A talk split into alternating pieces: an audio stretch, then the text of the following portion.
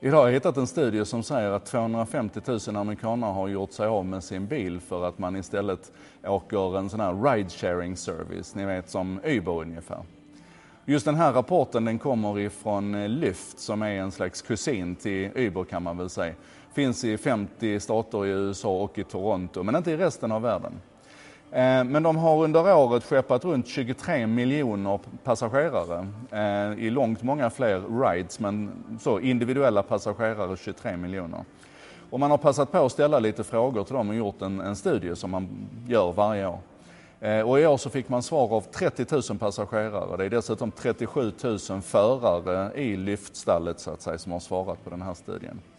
Och nu ska vi ha klart för oss då att den kommer ju alltså inte från ett oberoende undersökningsföretag utan det här är Lyfts egna siffror. Men vi kan ändå använda dem, tycker jag, som, en, eh, som inspiration för tanken och för vilka frågor som kan vara relevanta att ställa sig. Och det är ju, jag menar, det är inte många studier vi ser där man faktiskt frågar 30 000 individer. Ehm, det här handlar naturligtvis i studien då om hur nöjd man är med Lyfts service och man ställer en massa frågor om, om tjänsten och sådär. Eh, man frågar till exempel hur man använder den och varför man använder den. Och då är det 71 procent som använder den för att åka till restauranger och underhållning och sådär. 50 procent av de som åker, åker till flygplatsen. Fascinerande siffra här, 42 procent använder Lyft för att pendla till jobbet. Och, och 31 procent använder Lyft för att, att ta sig runt till ställen där inte kollektivtrafiken täcker, eller till och från kollektivtrafiken. Man kan också titta på siffror där man, där man kan sätta pengar på det här och konstatera att 2 miljarder dollar menar Lyft på att man har genererat extra i systemet. Till exempel genom att du vågar vara ute längre på krogen för att du åker Lyft hem istället eller att du faktiskt har bilen när du åker och handlar istället för att du åker kollektivtrafik och då kan du bära fler påsar med dig. Är ni med? Nu kan man ju ha många, många synpunkter på om det är bra med mer konsumtion eller inte, men, men så ser siffrorna ut i alla fall. Och det är, tycker jag är intressant att tänka på att det får, får bieffekter. Um, man har också tittat på det man kallar för, nu ska vi se var har vi det här, det man kallar för attitude adjustments. Alltså hur har vårt förhållningssätt ändrats av att vi, av att vi åker, åker lyft? Och då säger till exempel 21 procent att de faktiskt åker mer kollektivtrafik än vad de gjorde tidigare. Och det är ju för att Lyft kan komplettera kollektivtrafiken. Man låter bilen stå oftare och man kan åka Lyft antingen hela destinationen eller till och från för att ansluta till kollektivtrafiken. Och det här är ju någonting som debatteras väldigt mycket i, i trafikkretsar om, om den här vågen av ride sharing services kommer att öka eller minska trafiken på vägarna. Och ska vi titta på den här rapporten så, så, finns det ju indikatorer på att det faktiskt skulle kunna, kunna minska för att folk kompletterar mer med kollektivtrafik och låter den egna bilen stå oftare. Och just det här med att låta den egna bilen stå oftare, då säger 50 procent av de här 30 000 att ja, jag låter bilen stå oftare. Och det är ju jättebra. 25 procent säger att det har blivit mindre intressant att äga ett eget fordon.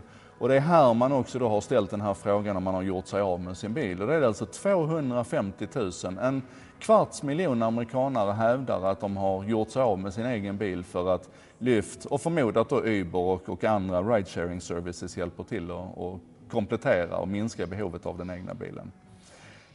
Och, och sist men inte minst, en fascinerande siffra är att 83 procent av respondenterna säger att de gärna hade hoppat in i en självkörande Lyft istället. Så att fast att vi liksom inte har sett självkörande autonoma fordon i praktiken ute och rullandes på vägarna, så finns det redan en, en acceptans för det här som ligger långt över hälften av, av, av, eh, av passagerarna. Alltså jag tycker det här är en fascinerande hög siffra, 83 procent. Jag tycker du kan gå in på take.lyft.com och titta själv på den här studien och fundera på vilka frågor där som, som du tycker är särskilt intressanta. Alltså take.lyft.com. Ehm, men jag tycker det är tre frågor som jag gärna skulle vilja diskutera med och Den ena frågan den är naturligtvis, skulle du kunna tänka dig att, att göra dig av med din egen bil? Om det hade funnits en fullt ut fungerande ride-sharing-lösning i ditt område där du bor och kollektivtrafiken hade funkat kanske bättre än vad den gör idag. Hade du varit beredd att göra dig av med din egen bil? Alltså hur mycket är den egna bilen bara en praktikalitet?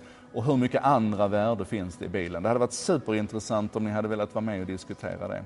Den andra frågan är att om du nu ändå har en egen bil, hade du varit beredd att faktiskt bli en lyftförare? Att, att engagera dig i en ride-sharing service även på, på leveranssidan?